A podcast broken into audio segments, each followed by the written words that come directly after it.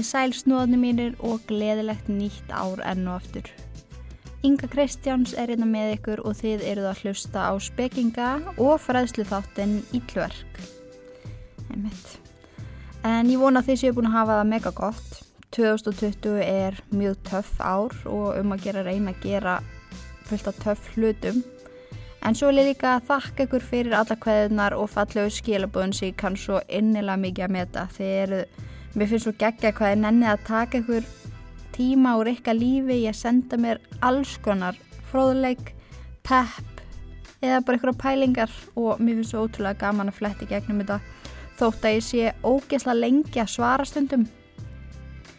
Þá sé ég þetta alltaf á endanum og svara alltaf á endanum þannig að ég vona að þið séu þólum og ef það er eitthvað sem maður liggur á þá bendi ég á að senda mér e-mail á ingakristjáns19.gmail.com en þar getur þið einmitt haft samband við mig líka ef að eitthvað finnst ég ekki verið að svara nógu fljótt á Instagram eða á Facebook en það hafi einmitt komið upp nokkur þannig aðdök þar sem að fólk þurft að ná í mig og, og þá er mjög gott að senda mér bara þar. En ég vil líka afsaka hvað e, þátturinn er að koma sent í loftið. E, ég er nýbúin að breyta dagsendingan og þáttunum úr mánudöfum yfir í miðugudag, bæði að því að henda mér betur og, og kannski líka skemmtilegra fyrir ykkur með að við skilabósi og að búin að vera að fá send að því að flest podcast koma út á mánudöfum þannig að það var kannski gaman að breyta þetta miðugudöfum.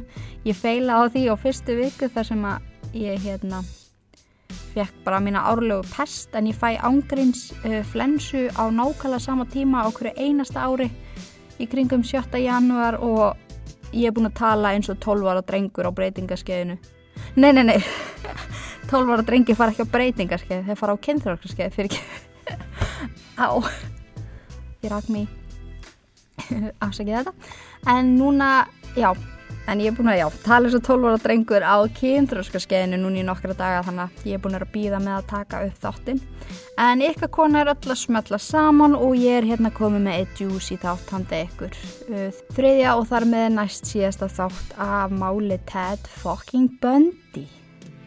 En við skulum ekki býða neitt með þetta, vindum okkur í þáttagsins og höfum það í leiðinni hugfast að þátturinn er alls ekki við hæfi barna.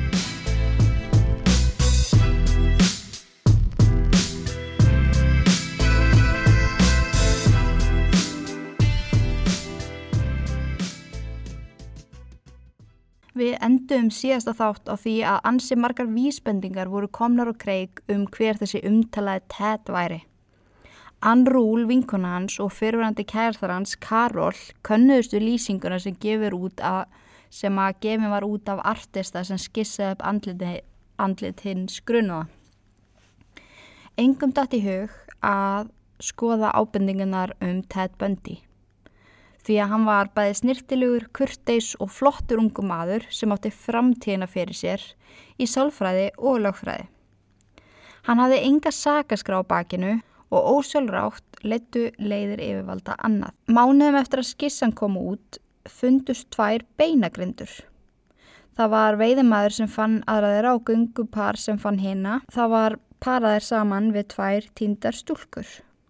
Þannig að fjölskyldur Ott og Naslund fengur loksins lokun á endalösa leit af dætrum sínum sem að ég saði ykkur frá í fyrsta þætti sem var kannski örlítil hugun. Það sem vakti samt óhug var að vita að sá sem gerði þetta gengi hann laus.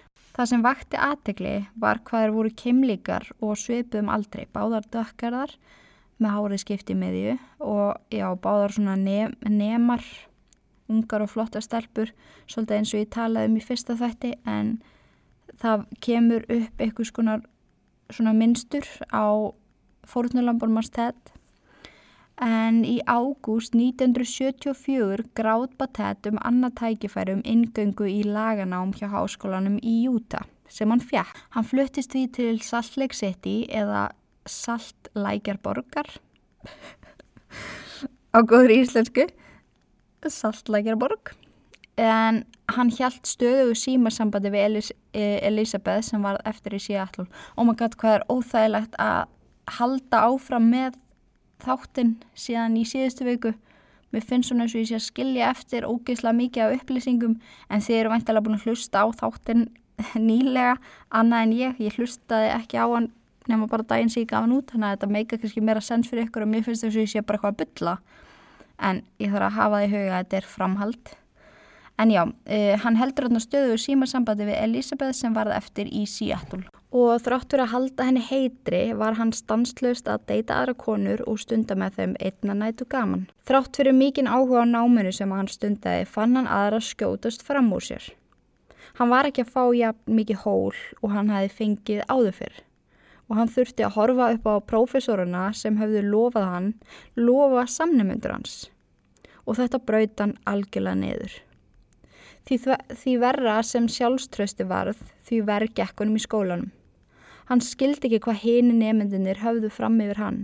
Því hans huga var hann klárastur allra og kunni í raun og veru allt efnið. Hugur Teds fór því að reyka annað og stórsást það á náms árangrunum hans. Það sem virtist fylgja brotnu sjálfströsti Teds sem hann remdist við að byggja upp voru þessi morð marathón. Við ekki að því samkomilegi sí, síðast að þetta við ætlum að kalla þetta morð marathón í staðin fyrir killing spree. Þeir með allavega láta mig vita að ég man ekki hvort það hefði sagt mér eitthvað betur orðið yfir þetta en við kallum þetta allavega þetta. Þegar hugur hans var ekki að einbita sér að einu hlut fór hann að velta fyrir sér hvernig hann geti nælt sér í annað fórnalamp. Og annan september tók hann upp í bíltið sín ungan ferðalang sem hefur enni dag ekki fengið neitt nafn. Eina sem hann gaf upp lungu setna var að hún var dökkarð með háru skipti miðju, böbli og alveg rosalega falleg. Hann nauðgaði hana og kyrti hana eftir að hafa spjalla við hann í smá stund. Hann skildi líki eftir á góðum stað undir brú og kom svo dæin eftir og tók myndir af líkinu eftir hann misnótaði það og skar það svo niður í parta. Líki fekk svo að flakka ofin í ströymharða ána. Annan oktober dvaldi Ted tvær nætur á hótelinu Holiday. Í liftunni á leiðin upp á hæðina sem hann dvaldi hitti hann hinn að 16 ára gömlu Nancy Wilcox sem var á leiðin upp að skipta um fött fyrir kvöldmatt en hún var þarna í romantískri ferð með kærastarnu sinum. Hún hins vegar skilaði sér aldrei aftur niður. Hann auðgaði henni, kyrti hana og kerði svo með líkið 320 km frá hótelinu og losaði sig við á þar. Líkið af henni hefur aldrei fundist. Ted kerði svo tilbaka og dvaldi nóttina á hótelinu og fekk sér vín á barnum og hafiði það náðugt.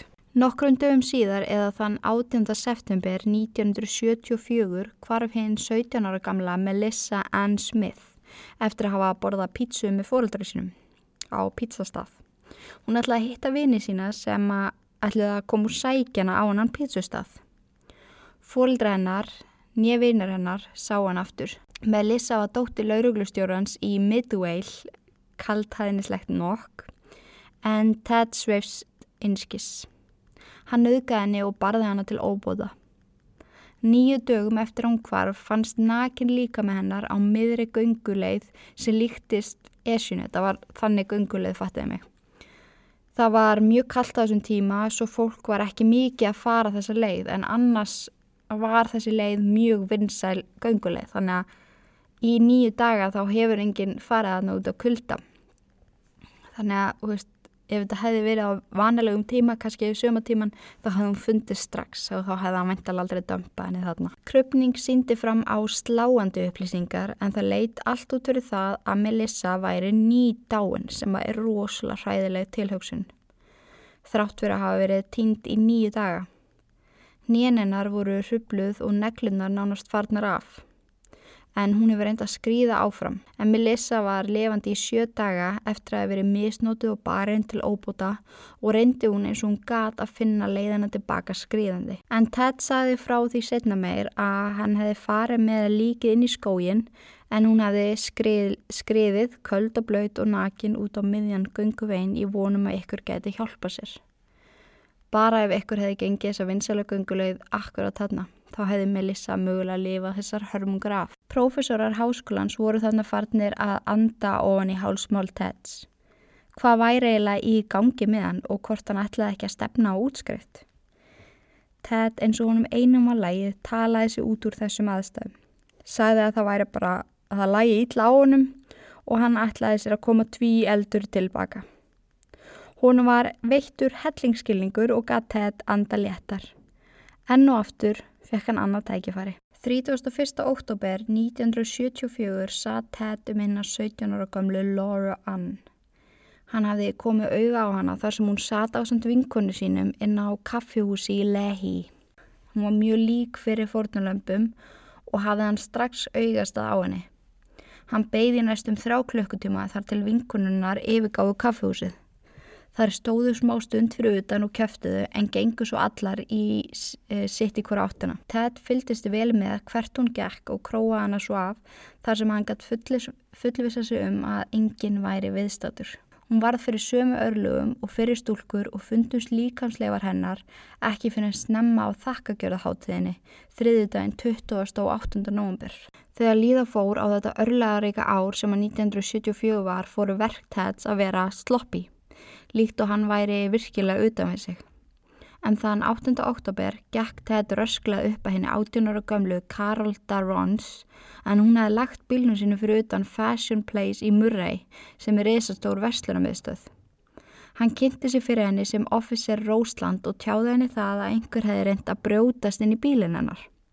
Hann bað hann að fylgja sér að bílnum til að ganga úr skugga um að þetta væri örugla réttur bíl. Hún sá ekkert aðtóavert við þetta í fyrstu og gekk með manninum út á plan. Það virtist sem bílinn væri algjörlega óhrefður og bað hún hann um að sína sér eitthvað svona sönnunagauk fyrir því að hann væri laurugluþjótt. Ted síndi henni laurugluspjald eða svona badge sem að hann hefði stólið að félaga sínum. Hún vissi ekki betur en þetta væri bara umhyggisamur lauruglumæður. Hann bað hann að koma sér upp á stöð til að leggja frá hann kæru og til að sækjum leifi um að fá að kíkja á myndavelarnar frá bílaplani Vestlunarmiðstöðurnar. Hún settist inn í bíljóttet og horfi á mollið hverfa úr auks, auksín í baksinnispeiklunum. Þegar þau höfðu kyrt í örlita stund hætti Karol að kannast við þessu og segi við hann Ég heldur sér að fara eitthvað vittlust. Þetta er ekki leiðin að lauruglustuðinni. Hann leita á hana og greið pratt um aukslina á henni og reyndi að handjárna hana á ferð. Hún streyttist að móti með öllum lífs- og sálakröftum og var loksins búin að átta sig á því hvað var í gangi. Hann hægir á bílnum og stoppar út á bílaplani. Þau stangast á og í öllum látunum þá handjárna Ted óvart sömu hendin á Karol. Hún nær því að nota hinu hendina til að losa sig frá honum, sparkaði purðinni og hlaupa eins rattung mögulega gatt í burtu. Karol átti eftir að vitna gegn honum í réttasal en við förum betur í það í fjörða og síðasta part Ted bandi þáttaseríunar. Við skulum taka okkur örstuða pásu og heyra nokkur orð frá styrtaræðila þáttarins.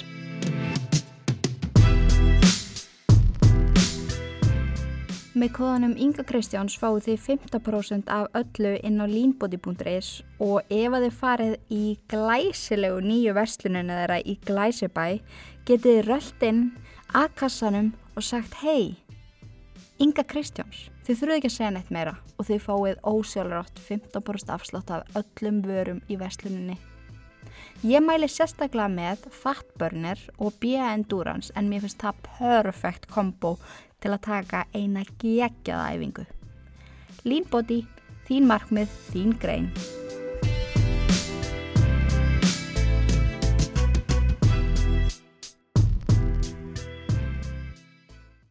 Velkomin tilbaka kids en Karol náði eins og kom fram hér fyrir auðlýsingar að hlaupa í burtu frá Ted. Hún fyrir beinti lauruglu og gefur þar upp upplýsingar um allt sem að hafi komið fyrir. Á meðan hún stóði þessu fór Ted strax á næsta máladagskrá. Hann var ekki tilbúin að feila í þessu. Hann var að feila í skólanum. Hann hafi feilað í ástasamböndum og hann ætlaði ekki að feila á þessu. Það að finna fórnalömb, nöðgæðum og drepa var það eina sem að hann gætt haft fullkomna stjórn á og hann vildi halda því þannig. Svo þennan sama dag lokkaði hann hérna 17 ára gamlu Jean Kent upp í bíltessin. Hún var nemi í Viewmont mentaskólanum í Bountiful, Bountiful, þessi orðstundum sko. En þetta kvöld var Jean sent á ferðinni. Hún gekk út úr skólanu sínum en hún var partur af leiksýningu á vegum skólans. En hún þurfti að drífa sig því hún lofaði að sækja bróðu sinn sem var á fókbóltæfingu rétt hjá. Hún hins vegar kom aldrei og sótti hann og hún kom aldrei aftur heim. Aðspurð um atbyrðar ás kvöldsinn segir kennarinn sem leikstýrði síningunni að ókunnum maður hefði komið inn í salin og tilkynnt um innbrott í bíl fyrir utan. Hann valdi bíl af handahófi og tjáði þeim það að hann væri lauruglu þjóttn og hann hefði fengið ábendingum innbrott í bíl fyrir utan skólan. Hann lísti bílnum og spurði hvort eitthvað kannast við hann. Lýsingin passaði við bílinn hennar Jean sem eldi hann út. Hann notaði sömu taktík og fyrrum daginn. Einu munirinn var að í þetta skipti tókst tilætlunaverkið. Fyrir utan skólan þar sem Jean tók sín síðustu skref fannst leikillin sem passaði handjátnin sem Ted hafi skellt utanum úlið Karol. Sami aðali var á ferðinni og fyrst þarna fengu yfirvöld staðfestingu á því. Elisabeth Klífer, fyrirandi ástkona Ted, fyldist með frettunum skelvingulostin. Ungar stúlkur hvera eftir annari hurfu og líkamsleifar fundust á víð og dreif. Hún hafði ringt inn með ábendingu eftir að skissan kom út en svo ábending fekk samt sem áður enga eftirfylgni. Hún því að ringja inn aftur. Hugsaði með sér, better safe than sorry. Það var eitthvað innræmiðinni sem sagði henni að láta vita. Innstinni vissi hún að þetta væri tett sem var á ferðinni. Á meðan hún elskaði hann með öllu hjarta fann hún þess að þrá til þess að stoppa allt sem var í gangi og þráin var á þessum tímanbúndi æðri en ástinn sem hún barði tett. Randi Hergesheimer yfir lauruglu þjóðn í Salt Lake City tók ábendingunni alvarlega og bað hann að koma til hans í viðtal sem hún samþykti með því skilirði að ábendingin hefði ekki komið frá henni. Hún gæti ekki hugsa sér að Ted vissi að það var hún sem vísaði löggun á hann. Henni var lofa trúnaði. Hún sæði frá áhugin sínum og var henni svo þakka kærlega fyrir upplýsingarnar. Tilfinningin í maganum var ekki góð þegar hún gekk út frá lauruglunni. Hún var með nagandi samvinskupitt. Hvað ef þetta var ekki tett og hún var að klína einhver á hann sem að hann hefði ekki komið nálagt. Hún geti aldrei fyrirgefið sér. Í söma andrá benti Karol á vittlösa mann í line-upi en eða, bara svo ég reyfið þessu upp fyrir ykkur þá er Karol stelpan sem að komst uh, undan. En já, hún bendur hann á vittlasta mann í line-upi en þar er Ted einna mönnunum og svo eru hitt lauruglu þjónar. Og Ted sleppur þarna ennu aftur við skrekkin. Það er nefnilega alveg ótrúlegt meðan þetta að ef þið skoðið þennan slatta af krimmamyndum sem voru teknur á hann eða svona mugshots þá lítur hann aldrei eins út þannig að það er ekki skrítið að stelpan hafi verið óviss en hann var, hérna, hann var oft kallaður kamiljón því að náðu einhvern veginn að breyta útlitinu sínu algjörlega eftir hendisemi og áttu vittni og yfirvöld oft erfitt með að bera hann sem var eitt af því sem hjálpa hann um að komast upp með þetta allt saman, svona lengi. Elisabeth gata ekki setið kér, hún gata ekki hægt að hugsa um þetta mál. Hvað ef lauruglan tækja ekki marka á henni og fleiri ungar stúlkur myndu deyja? En á sama tíma ótaðist hún um það að hafa ramt fyrir sér. Hún ákvað samt að ringja aftur á lauruglustöðuna í Salt City og minna á óbendinguna sem hún hefði lagt fram og, hefði, og spyrja hvort þeir hefði notað, nei og spyrja hvort þeir hefði skoða máli eitthvað. Hún var bætt enn og aftur á lista yfir grunna einstaklinga en ekkert sérstatt mark var tekið á þessu þar sem Ted var fyrirvindamaður með tandur reyna sakaskrá. Í byrjun ás fór Ted til Seattle eftir lokaprófin sín í lögfræði og hann eitti þar viku með Elisabeth á heimil hennar sem átti virkilega erfitt með sig skiljanlega. Hún var svo yfir, yfir sig ástofangin af þessu manni en djöfull hefur verið óþægilegt að þykjast svona í kringum hann. Hún var búin að reyna þreysusinum að koma nafnun hans á lista yfir grunað einstaklinga. Það áttu saman dásanlega viku og lofa hún að koma í ágúst sama ár og vera hjá honum í svöldin tíma. Ted áttaði sig svo á því að hann var orðin ansi tæpur og ákvaða að færa starfsemi sína í burtu frá Salt Lake og leitaða fór, næsta fórnalambi í Colorado. 23. janúar 1975 kvarf hinn unga og efnilega hjúgrunarkonna Karin Eileen Campbell. Það sást síðast til hennar fara inn í liftu en hún var á leiðina, leiðin upp í íbúðinu sína. Gangurinn frá liftunni og að íbúðinu var vel upplýstur og hefur henni líklega leiðið mjög örugli að fara þann á milli. En engin var örugur nálagt þetta. 450 kílometrum frá síðasta glæp framti hann það næsta. Hann barði hann í höfuði sem varð henni að bana. Út um allan líkamann hennar voru djúpi skurðir og flokkast þetta morð undir overkill. Þeir sem viti ekki hvað það er þá þýr það að ganga mörgum skrefum of langt eftir að hafa verið búin að myrða eitthvað. til dæmis það að myrði ykkur og stingan svo 42 svar í alla líka minn það kallast overkill sem segir okkur það að Ted hafi verið þannig mjög reyður en það er tengt overkill oftar en ekki við reyði og maður spyr sér af hverju hann hafi verið svona reyður akkurat þarna með að við öll hinskiptin. Nakin líka með hennar fannst svo skammu síðar. En 15. mars 1975 var Julie Cunningham 26 ára skíðakennari á leiði mat með vinkunsinni. Veitingastæðinu sem að það er alltaf að borða á var nálat heimilennar svo hún ákvaða að ganga bara. Ted kom auða hana og stöylaðist í áttelennar á hækjum. Hann spurði hana hvort hún geti nokkuð hjálpa á hann. Væri að fara með skíðaskona sína sem hann var að kaupa inn í bíl til sín. En það gekk brösulega út af fótbrotinu og hækjunum.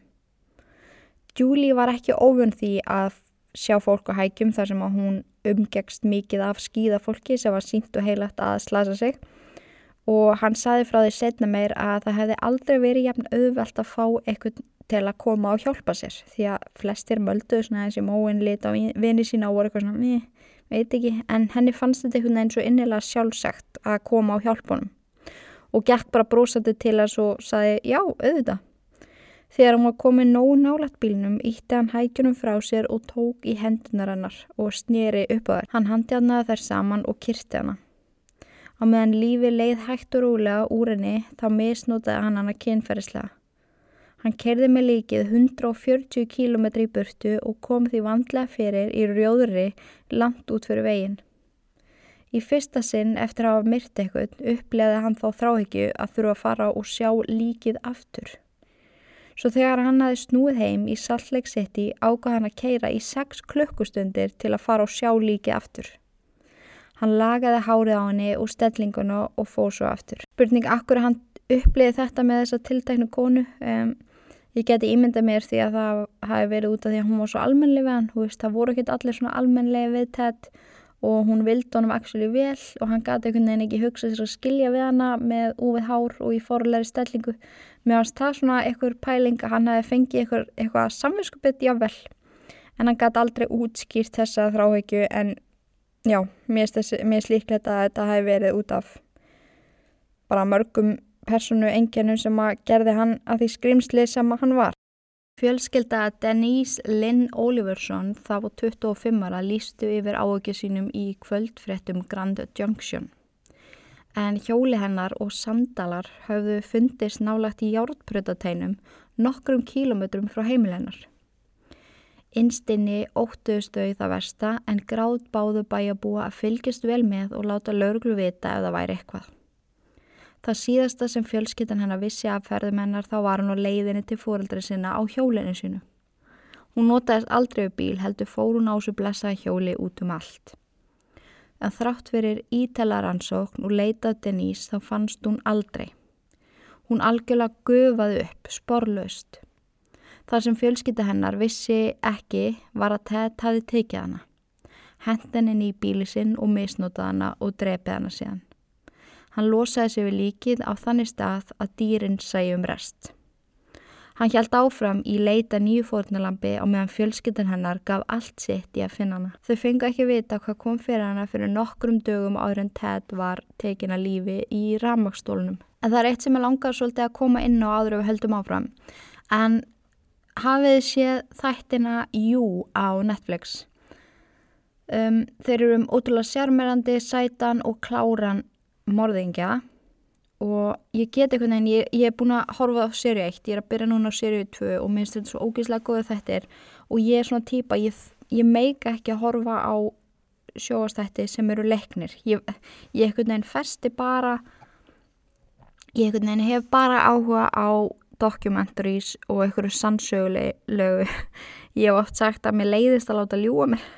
Þetta er svo fárlegt en ég veit ekki, næ eitthvað neginn ekki límast við mikið af sjóasefni nema ég mitt einhverju svona fósbræðrum og eitthvað svo leiðis en jú, ég næja að festa þessu myndina Napoleon Dynamite svona 20 sinum ári. Ég, ég veit að ég er stórfyrirleg en mér finnst þessar þáttasýrjur alveg fáralega góðar af því að þar minna mig svo ótrúlega mikið á Ted og Jeffrey Dahmer og þessa gæja sem að ég hef verið að researcha. Þótt, ok, þótt ég veit þetta ekki alveg fyrir víst og ég sé ekki búin að sjá neitt um þetta þannig séð þá er ég einhvern veginn alveg vissum að það var notað persónleika Ted í persónusköpun Joe sem er aðalpersonan í þáttunum Jú.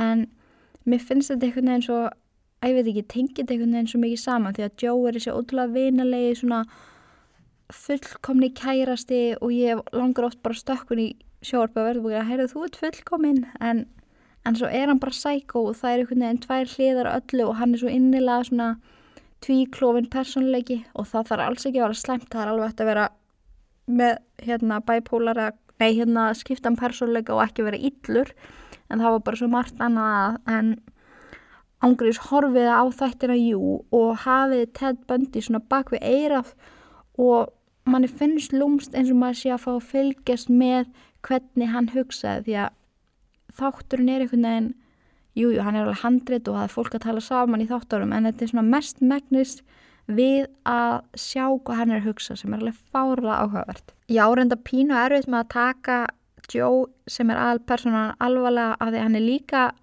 hérna leikar í Gossip Girl leikur þar Dan Humphrey en ótrúlegt en satt að horfi á Gossip Girl ég þól ekki svona svolítið akkurat hann er þetta ég hef aldrei getað hort á breytið litlu lægir svo eitthvað svolítið shit.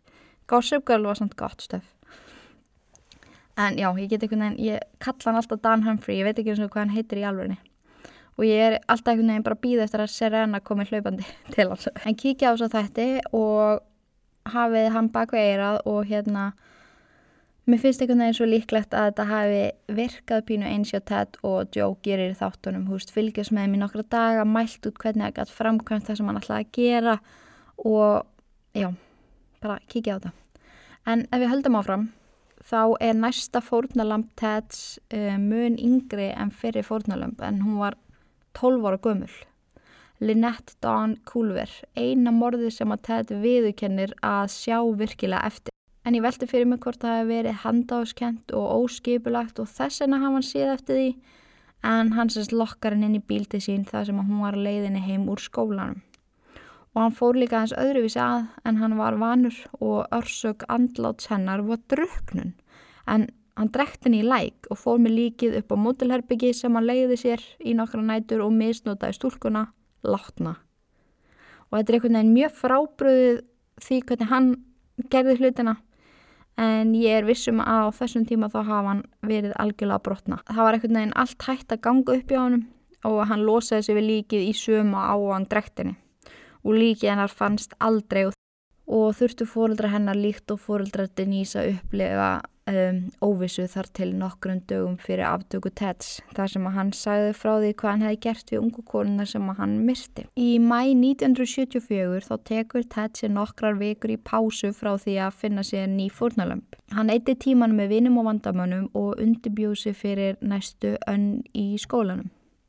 Carol Ann Boone þá bara vinkunans en það er talað um það núna að hún hefði verið kærastan hans þarna En já, hún kom og heimsótti hann og dvaldi hjá hann með viku og svo heimsótt gaf Ted ótrúlega mikla hamingju og hann talar um það setna meir að hann hafi fyrst þarna í ótrúlega langan tíma náða að gleima sér, hlæja og fýblast. En Ted fór líka til Seattle í heimsótt til Elizabeth en þau höfðu verið í stöðu sambandi frá fyrir heimsótt. Þau nutu tíma saman, kúruðu saman langt fram á hátegi og rættu meira segja um það að gifta sig næstu jól. Elisabeth kom fram við Ted eins og ástmann sinn sem hún hlakkaði til að eða æfinu með þrátt fyrir það að hafa það baku eirið að hafa farið með ágjur sínar til lauruglu. Ekki einu sinni og ekki tvísvar heldur þrísvar. En hún sagði ekkit um þetta við hann. Hún reyndi að gleima þessu á meðan hún lá í hlýju fangi Ted sem strauk henni létt á bakið. En allir þetta hafi ekki verið svolítið svona lognið að undan stormunum eins og þetta er oft kallað því að þann 28. júni 1975 þá hverfur Susan Curtis sporlaust af skólalóðinni í Birmingham Young University í Provo. 70 kílometrum sunnar frá Salt Lake City. Ted hafi leikið samanleikin, beði hann um aðstóð þar sem að hann kom skröltandi til hennar á hægjum og bað hann um að hjálpa sér uh, með að bera eitthvað í eða úr bílnum sínum. Hann nöðgaði henni og myrta hana og losaði sér svo við hana. Þótt þetta hljómi nákvæmleins og margir aðriglæpir sem að Ted Bundy hefur framið, þá skar þessi sig aðeins frá hinnum. En morðið á Susan Curtis var það síðasta sem að hann sæði frá áður en hann var leittur inn í ramakstólinn. Síðasti glæpurinn sem að hann viðkendi á sig. Svo maður spárið því hvað fjölskylda Susan var nála því að fá aldrei að vita hvað kom fyrir hana.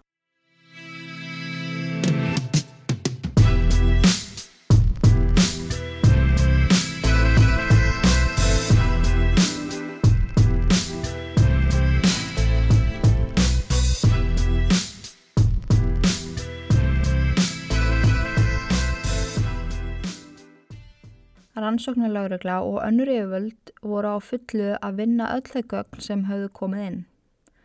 Hvað með að hlusta bara á Elisabeth? Nei, ég segi bara svona. En hennar tepp var alveg tekið inn í myndina en samt bara liti á það sem tepp.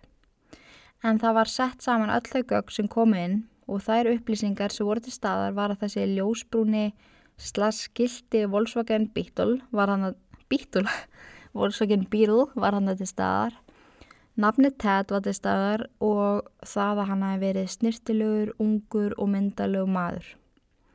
En þegar þessu var flett upp þá komu um 10.000 Volkswagen bílar í þessum lit hérna í bandaríkjónum.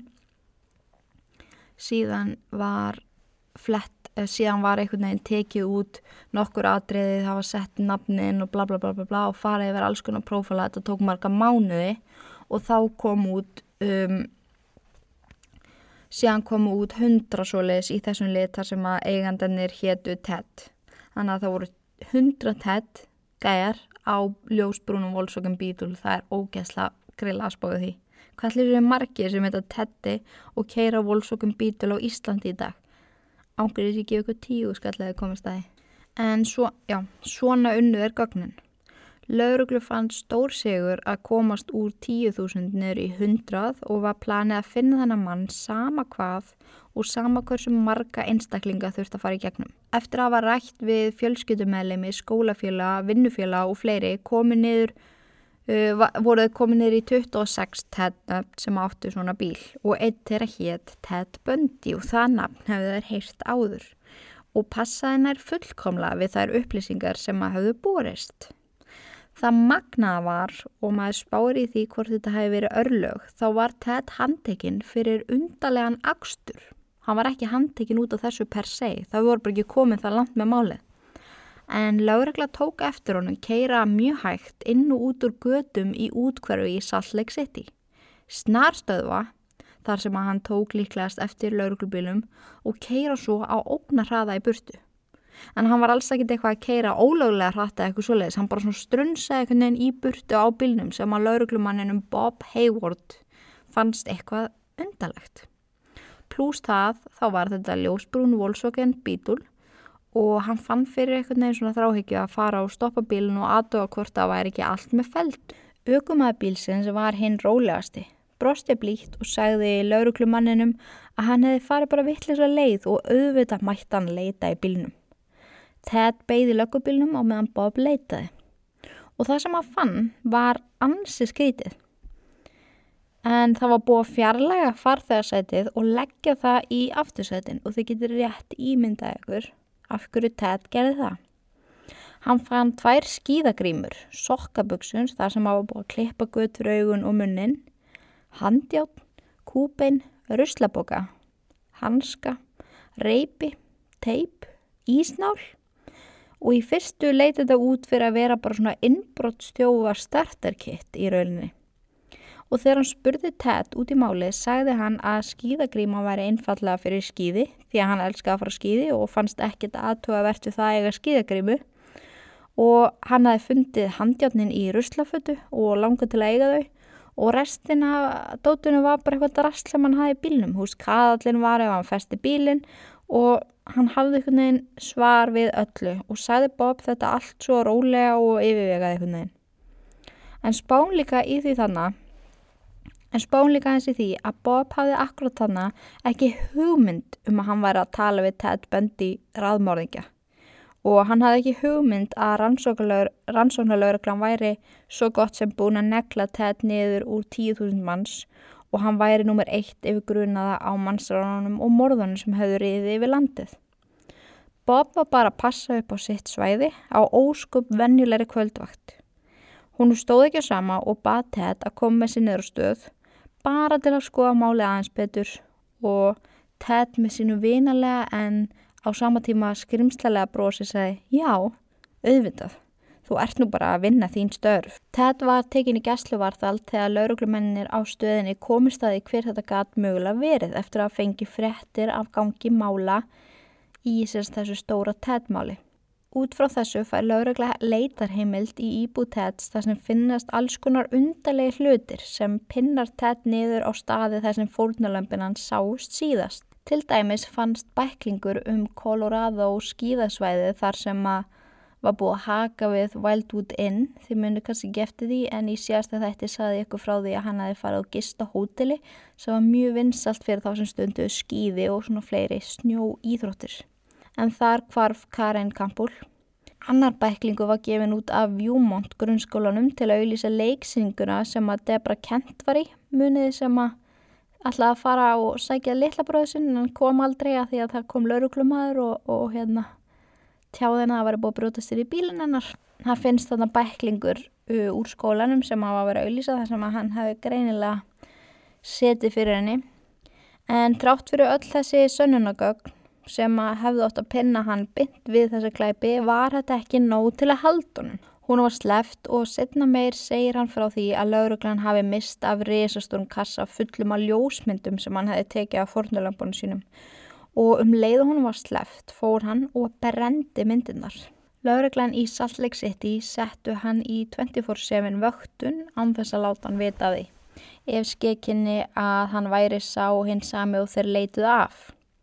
Yfir lauruglumæðurinn á stöðinni flög svo til Seattle til að ræða betur verið Elisabeth. Því loksins þarna var tekið almennlegt mark á því sem hún hafði ringt og sagt þreysar frá.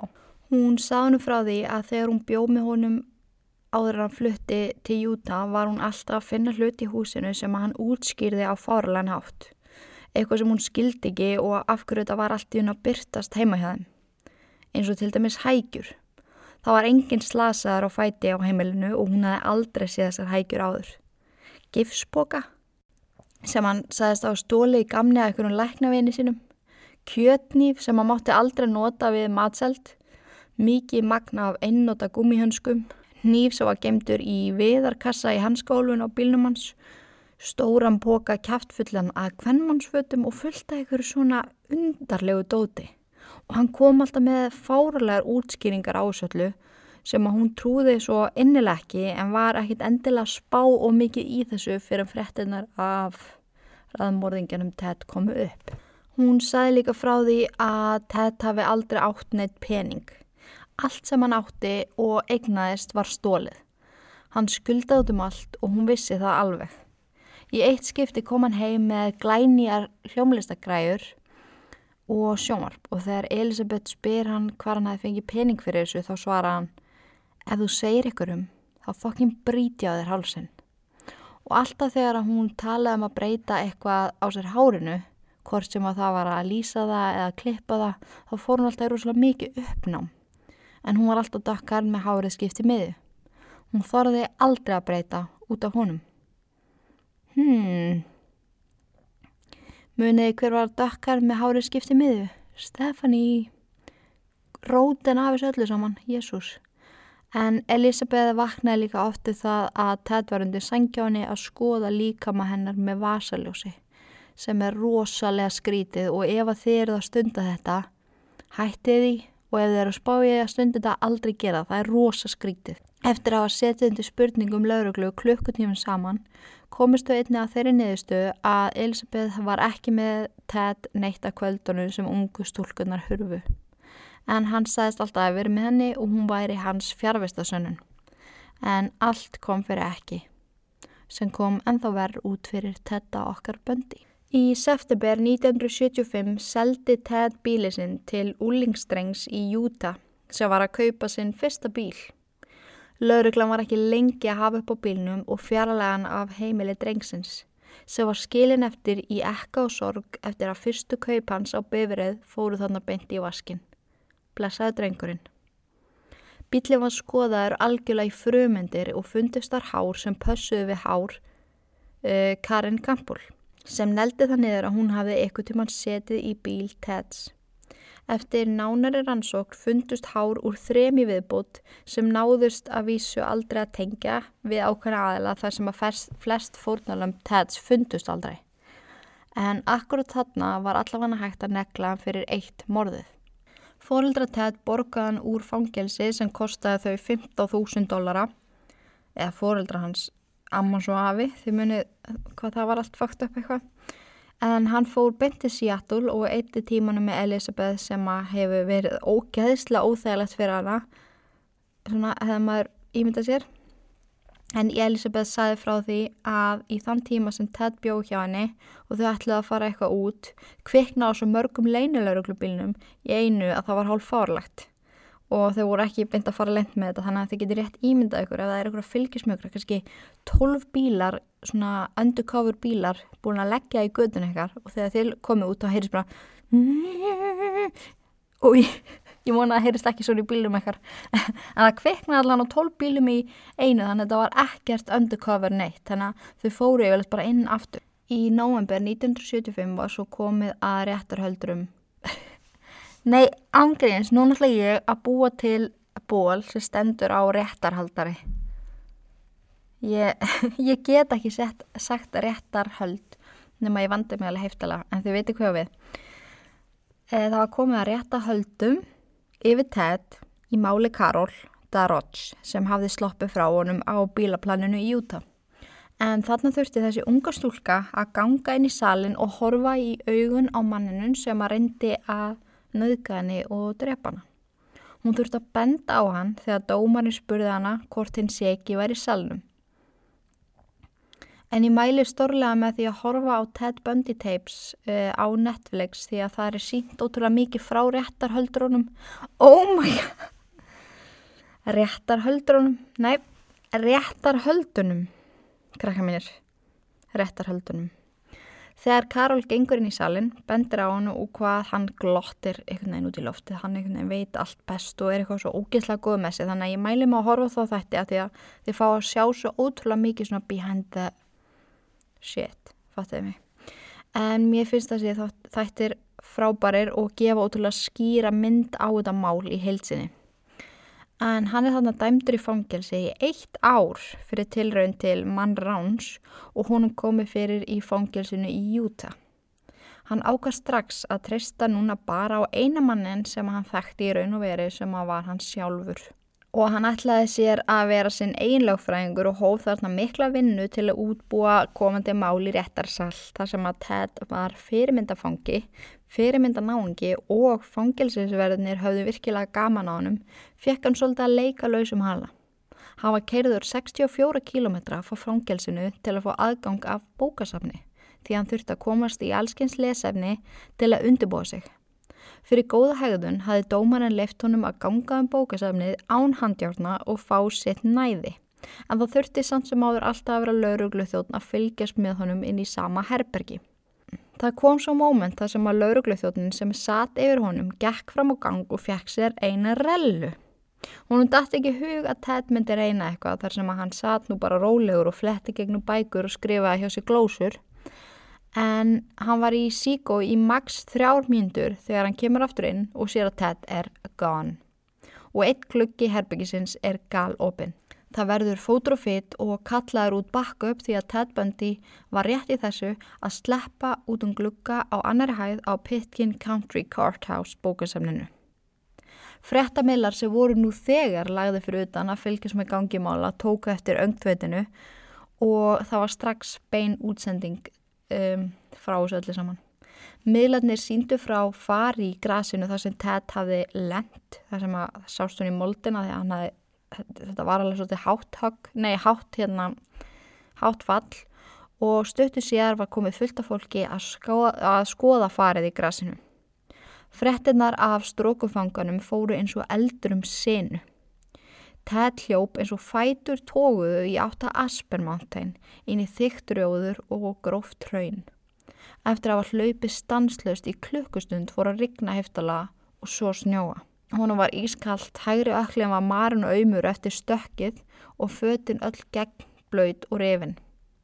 Akkurát á þessu augnabliki leið honum eins og að besta lausnin væri bara að deyja. En hann þráði ekkert meira heldur hann að vera laus og frjáls maður. Hann letið dreyma um hlýjar strendur, vindla og áhyggjulöst líf á meðan hann hljóp og hljóp þar til hann kom að stórum fjallakofa. Hann var vissum að húnum væri að dreyma. Þetta var ofgott til að vera satt. Þegar hann kom nær var kofin raunverulegur. Ted brosti og hljópa bak til hún komans og bröst inn. Inni var dósamatur, hlýföt og bækur svo hann gætt gert vel, vel við sig og illja sér. Hann þorði samt ekki að staldra á lengi við en daginn eftir fór hann úr kofanum og tók með sér úr honum veiðrifill bara svona til öryggis. Eftir stutta stund á gangi í skóginum viltist hann. Það fór að snjóa aftur og regna til skiptis. Ted var viltur í heila tvo daga og var nær dauða en lífi þegar hann rakst á annan veðikofa. Spáið í því hvað gaurin heppin svona ángríns.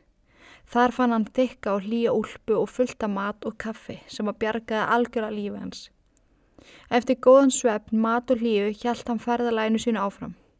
Í staðin fyrir að halda áfram í söður eins og plani var, gekk hann aftur í áttina til Aspen.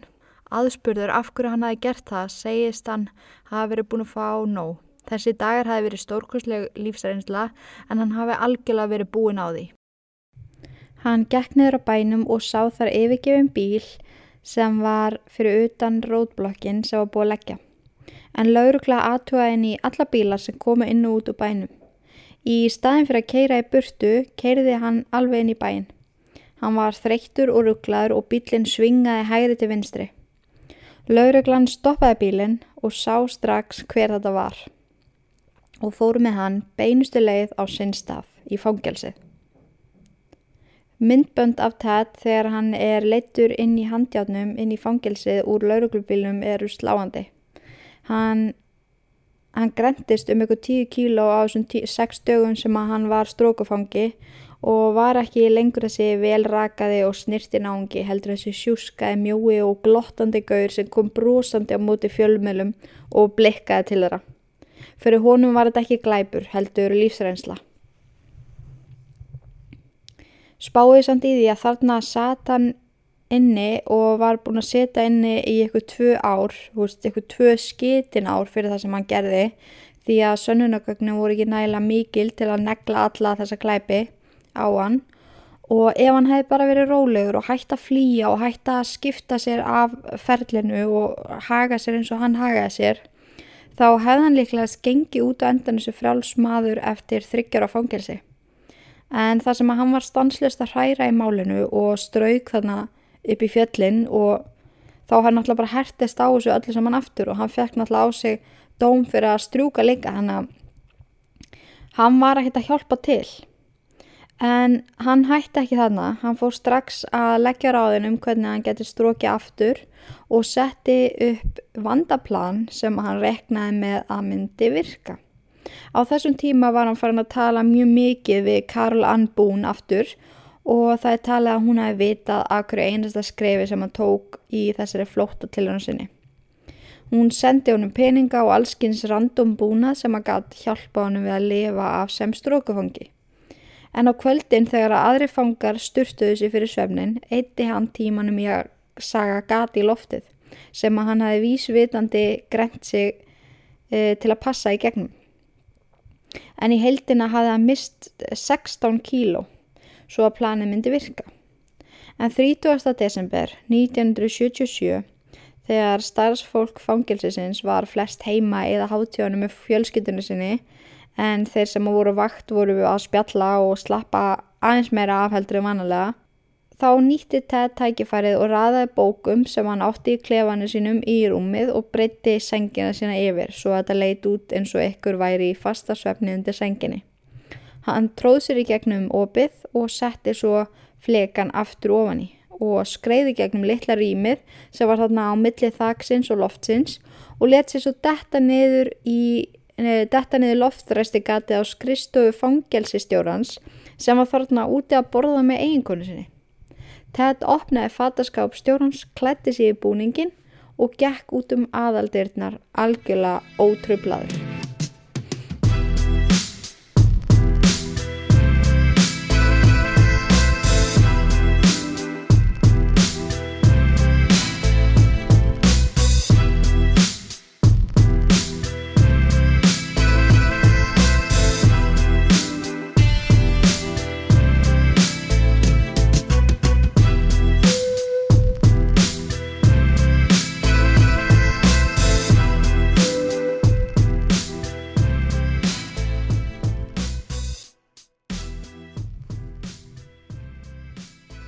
Jæja börnum mín, ég held að við segjum þetta gott að þessu sinni en í næsta þætti, fjóruða og síðasta þætti í Ted Bundy seríunni förum við við síðustu ár lífsans sem eru mjög áhugaverð.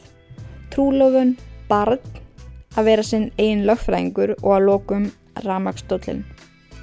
En mér langar svolítið að láta ykkur fá smá heimanám fyrir næsta þátt svo að þau geti sett ykkur enþá betur inn í málið og lært enþá meira um þennan mann sem hafði svo gríðarlega áhrif á heiminn allan.